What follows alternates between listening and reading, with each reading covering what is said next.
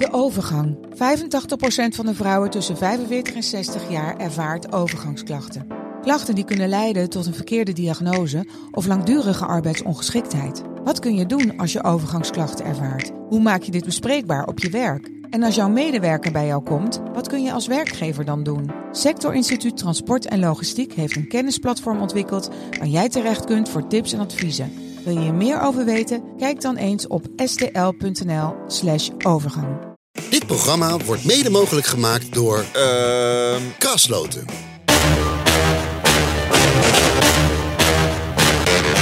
Dit is Strikt Privé, de dagelijkse showbiz-update met Evert Zantegoed en Jordi Versteegden. Ja, met enige vertraging is het orkest hier binnengekomen vandaag. Door de stroomstoring. Ja, het enige wat het deed was mijn wekker. Nou, die had er dan ook mee op mogen houden. Ze kon er toch niks doen. Nee, ja, het is een beetje jammer dat we iets later zijn Ja, op deze maandag. 68.000 huishoudens in Amsterdam waren getroffen. En ook deze studio waar we nu Nou. weer zitten en waar het licht inmiddels weer brandt. Dus inderdaad, laat gaan maar weer eens van Jetje. Een nieuwe week. De podcast, strikt privé. Oh, je lacht er ook heerlijk Nou bij. ja, ja, ik kan het ook niet helpen. Maar kijken. wat zijn we kwetsbaar zonder stroom, hè? Zo is het. Maar we zijn er alsnog vandaag en dat is het goede nieuws. Ja.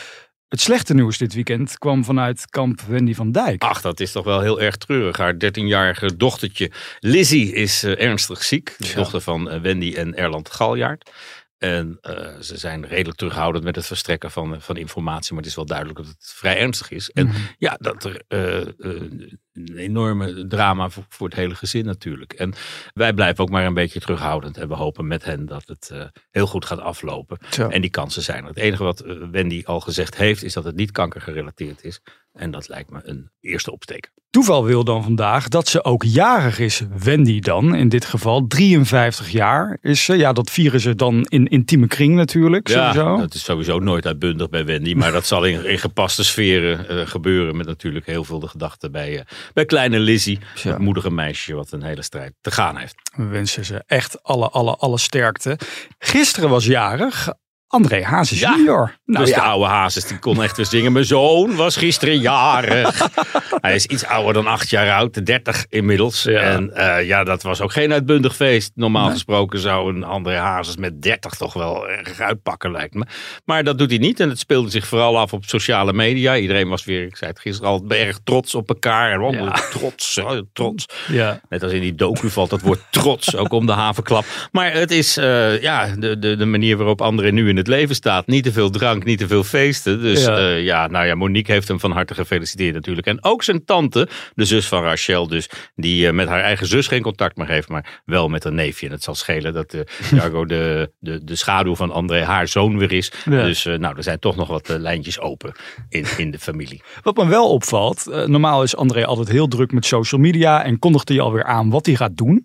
Maar op dit moment weten we eigenlijk helemaal niet hoe zijn jaar eruit gaat zien. Nee, en eh, ik vind 30 wel echt volwassen. Ja, Dus eh, ja, het, het, het, het andere genre wat hij zo graag wil gaan zingen, dat, dat zal zijn vruchten moeten gaan afwerpen. Mhm. En eh, daarvan is gisteren nog niks gebleken. Want je zou ook ter gelegenheid van je dertigste natuurlijk een, eh, een plaat kunnen uitbrengen. ja. Maar nee, daar is het wachten weer even op. Of een nieuw Ahoy-concert aankondigen, dat is ook nog niet gebeurd. En stel, Nee, En het vorige heeft best reden om dat toch nog een keer te gaan doen, denk ik. Ja. Hij is wel op de weg naar ho- omhoog en dat is al, dat is al goed nieuws. In het nieuwe jaar.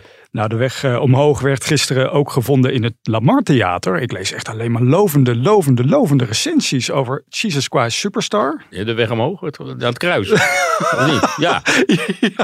Ja, Jesus Christ Superstar. kruis dat was echt de eerste musical die ik ooit zag. Met Oh. school in Londen.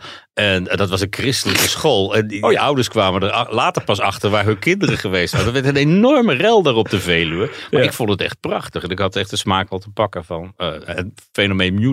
En ook van Jesus Christ Superstar. Dat was de eerste doorgecomponeerde musical zonder toneel tussenin. Het is echt alleen maar van het ene nummer gaat over in het andere. Ja. Die muziek zit geramd in elkaar. En goed van Albert Verlin dat hij gedacht heeft van ik ga het eh, nog eens een keer uitbrengen. En dan niet in een of andere malle vertaling. Maar gewoon in het Engels. En Ja. iedereen kan dat heus wel volgen. Ja, zeker. En ik lees vandaag bij onze Jan Uriot, die is er geweest. Vijf sterren, andere kranten vijf sterren. Dat komt toch niet zo heel vaak voor? Volgens mij niet. Maar ja, dit, dit is een musical die zichzelf wel bewezen heeft natuurlijk. Al een, Ja. een, een hit 50 jaar lang. En een film. En, en ja, het, is, het staat als een huis. Ja. En als je er dan ook nog een nieuwe draai, een moderne draai aan weet te geven, zoals het toneelbeeld eh, laat zien, dan eh, kan ik me dat wel voorstellen. Met Django McCroy in de hoofdrol. Uh, Doe ze Doe ze Alsnog. Zouden Mia en Dion dan ook binnenkort in een musical te zien zijn, nu eh, ze deze weg zijn ingeslagen met de oude Songfestival-kandidaat? Ja, maar of die ook vijf sterren krijgen, dat valt dan weer te bezien.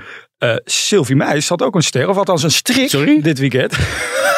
Ja, het is maandag hè mensen. We hebben wat in te halen na die stroomstoring. Ja. Ja. zo was dit weekend dook ze op in één keer op een eh, feestje in Oostenrijk, Ja. Sylvie. Met, Ja. ja, met het strik. Met, met de strik, ja, Ja. Het is een ge- ge- geheime dresscode. dat je aan je strik kan laten zien als vrouw of je eh vrijgezel bent of niet. Oh. En eh, nou, dat, dat, dat is Sylvie sinds een week. Dus daar moest weer dringend wat aan gebeuren. Ja. En ze was daar in, in, in een dirndl-jurk. En wie er ook rondliep in zijn lederhozen was, jawel, Arnold Schwarzenegger. En die heeft Nou. misschien ook wel gezien dat Sylvie's eh, strik aan de linkerkant zat. Dus ik ben zo haben.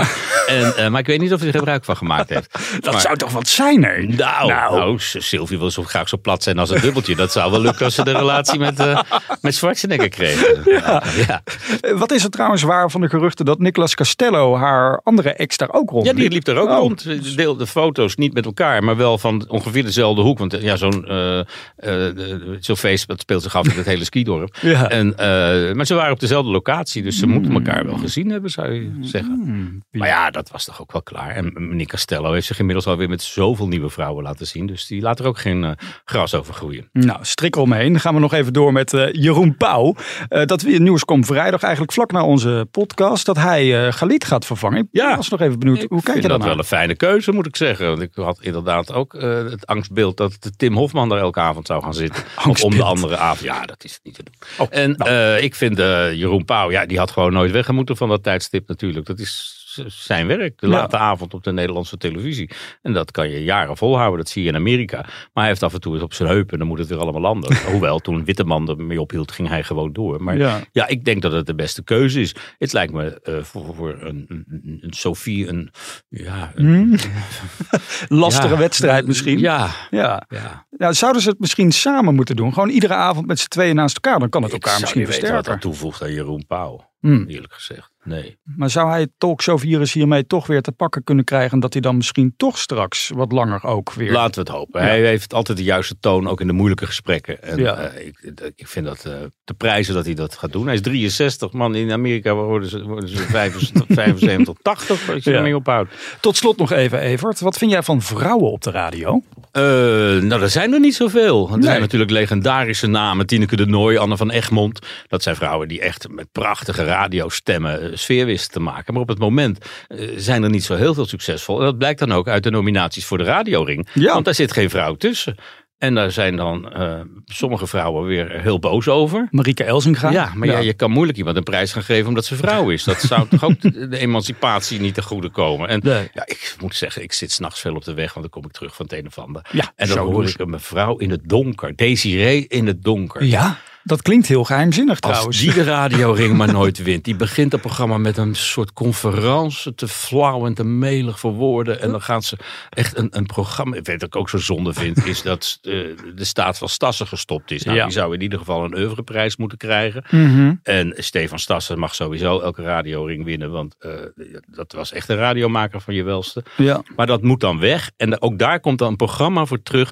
Waar je platen kan aanvragen. Mijn god, wie wil dat nou nog? Als ik Elton John wil horen, dan zet ik Elton John wel op. Ja. En dan ga ik toch niet na de reclame hebben we Elton John. Dan hebben ze zo- zo'n rijg-ding. dus de link. Dan moet de ene plaat die je aanvraagt, moet dan weer slaan op de plaat daarvoor. Dan denk ik, jongens, dat is 50 jaar oud dat idee. Ja. Maar goed, dat is de staat van de Nederlandse radio. En dat is helaas niet, niet meer de staat van Stassen.